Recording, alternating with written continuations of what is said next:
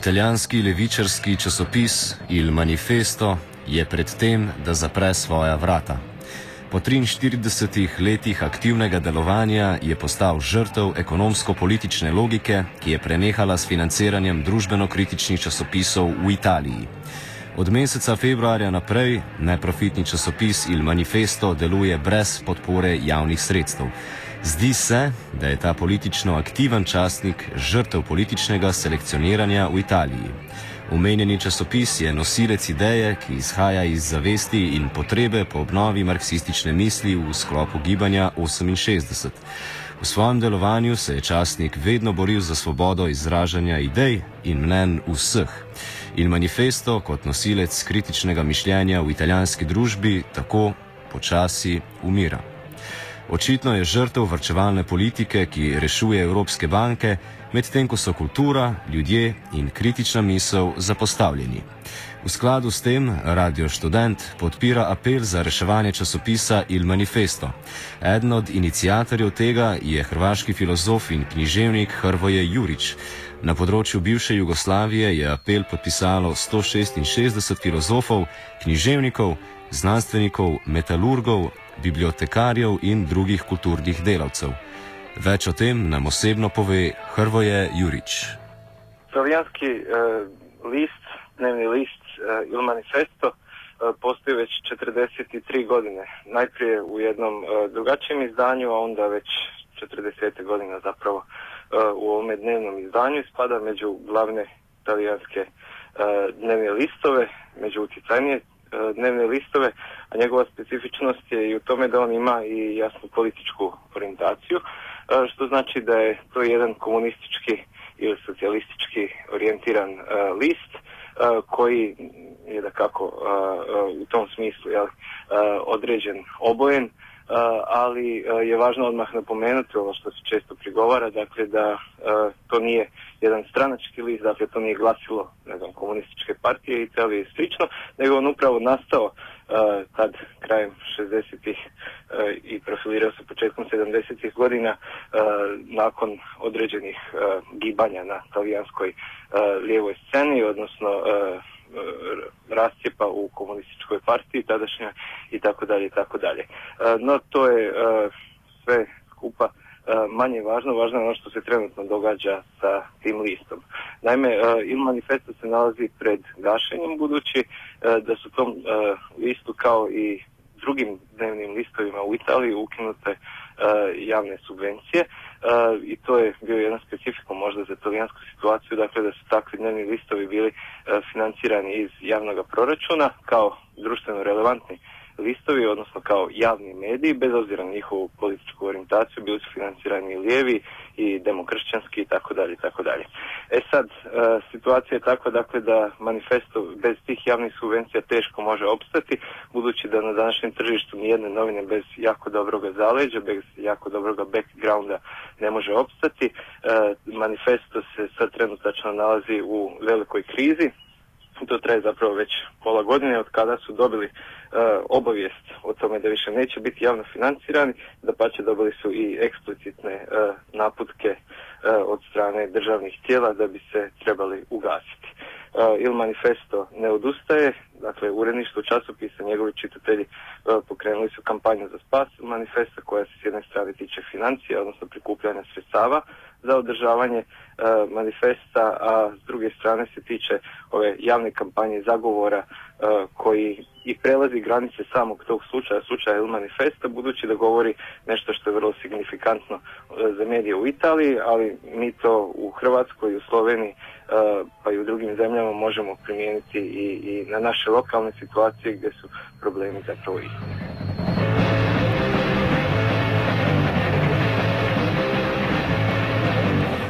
Uredništvo Il Manifesta se sicer nahaja v Rimu. O pomenu časopisa za razvoj kritične misli v italijanski družbi nam je več povedal namestnik odgovornega urednika Angelo Mastrandreja.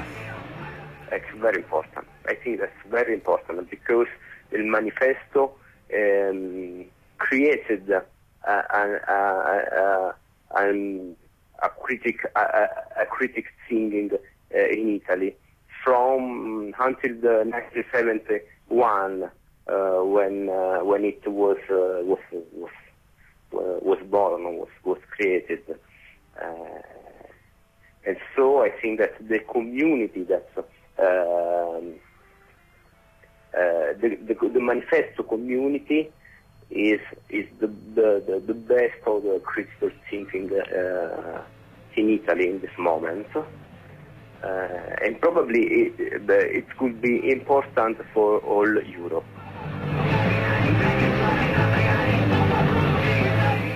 Master Andreja nadalje govori o položaju, v katerem se je časopis Il Manifesto znašel in o vlogi italijanske politike v povezavi s tem. Manifesto in, in this moment is in a, in a situation in a, in a situation that's called uh, um, liquidazione coatta amministrativa um, uh, and uh, uh, it's a, a, a, particular situation that that uh, um, that concern uh, um, um, controlled by the the, the government, yes. the Italian uh, government.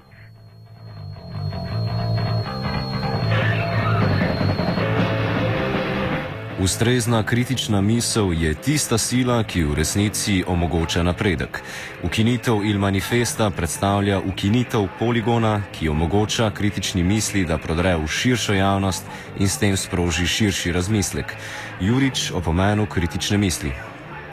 Pa kada govorimo o, o Il Manifestu, kada govorimo o drugim javnim medijima koji e, imaju pogotovo onima koji imaju jednu kritičku osnovu i svoje političko opredjeljenje na lijevoj strani političkog spektra. Radi se zapravo o tome da su to mediji koji su na neki način savjest društva, odnosno da nisu instrumentalizirani niti od vlasti, niti od određene partije koja je, na primjer, u opoziciji, e, niti, i to je danas za medije posebno važno, od strane nekih kompanija, odnosno medijskih kompanija u Italiji, kako Berlusconi, nekakva metafora e, za svo to zlo koje se zbiva.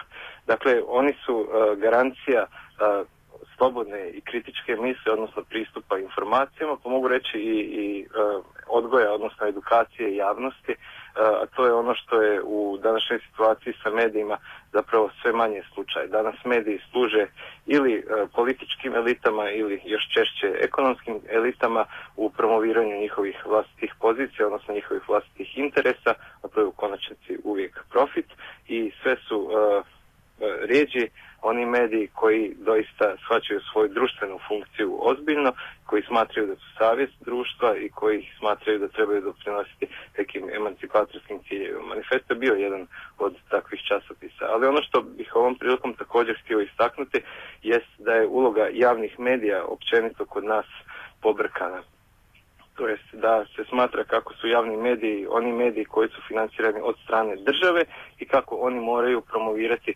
interese vladajuće elite.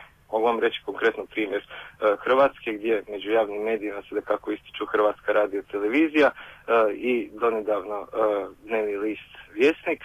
Dakle, to se percipira kao javne medije, ali javne medije se tumači kao one koji će biti glasnogovornici države, odnosno stranke ili koalicije koja je trenutačno na vlasti. To nije uloga javnih medija. Upravo taj talijanski primjer govori e, da bi javni mediji trebali biti financirani od strane države, ali ne od strane države kao neke političke elite, nego od strane građana, čija je, e, je država servis i u tom smislu bi oni trebali zapravo biti ono glasilo javnosti, e, što ipak ne znači da oni ne, mogu imati, ne smiju imati nekakvu uh, političku notu, odnosno da ne smiju imati nekakav stav. Smiju, ali su oni još uvijek javno glasilo. E, to je sad upravo i u Italiji sa manifestom i drugim dnevnim listovima, u Hrvatskoj također sa gašenjem dnevnog lista Vjesnik, sa političkim i ekonomskim instrumentalizacijama Hrvatske radio televizije, došlo nekako na, na dnevni red i to je jedna situacija koja je vrlo nepovoljna i po pitanju uh, slobode, demokracije i kritičke misli u tom medijskom prostoru ja sam zapravo sada trenutno vrlo pesimističan.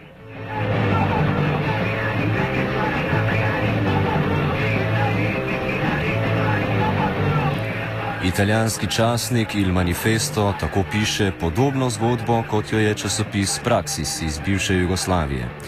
Eno od temeljnih načel časopisa Praxis je prepričanje v znanstveno ter družbeno moč kritične misli. Časnik Praxis je precedens, na katerega se lahko nasloni Il Manifesto.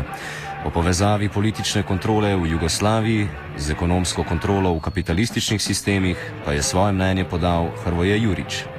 Pitanje koje ste postavili o sličnosti političke kontrole u jednopartijskom, uh, neki kažu i totalitarnom sistemu, dakle uh, realnog socijalizma ili kako ćemo već nazvati sistem u, u bivšoj Jugoslaviji i drugim zemljama istočnog bloka, uh, dakle sličnost te političke kontrole i ekonomske kontrole je velika i dobro ste to uočili. Naime, radi se o tome da je ono što je nekada bio politički centar moći, e, danas e, na neki način osobljeno, e, budući da je država osobljena. Osobljena u tom smislu da je postala sluga, da je postala servis krupnog kapitala. I danas politički centri moći, mi to u Hrvatskoj vidimo sasvim jasno, rade po diktatu krupnog kapitala, tako je vjerojatno i u drugim zemljama, pa i na svjetskoj razini. A tamo gdje nema direktnog političkog utjecaja, primjerice u, u privatnim medijima, tamo se vidi vrlo jasan utjecaj kapitala, dakle vlasnika medija koji opet odrađuju posao za, za neke druge ekonomske centre moći i općenito za, za sistem neoliberalističkog kapitalizma.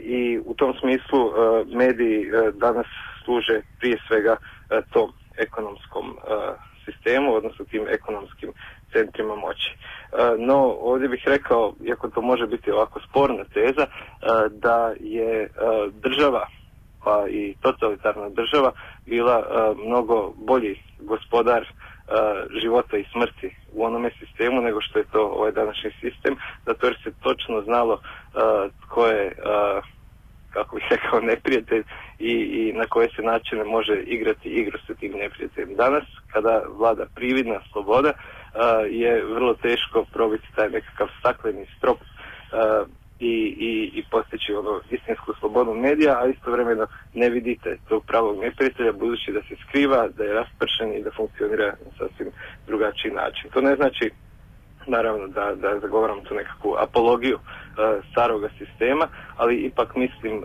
da se u samoj suštini, dakle kontrole medija uh, i slobode medija i demokracije unutar medija i pomoću medija, dakle da se nije mnogo toga promijenilo.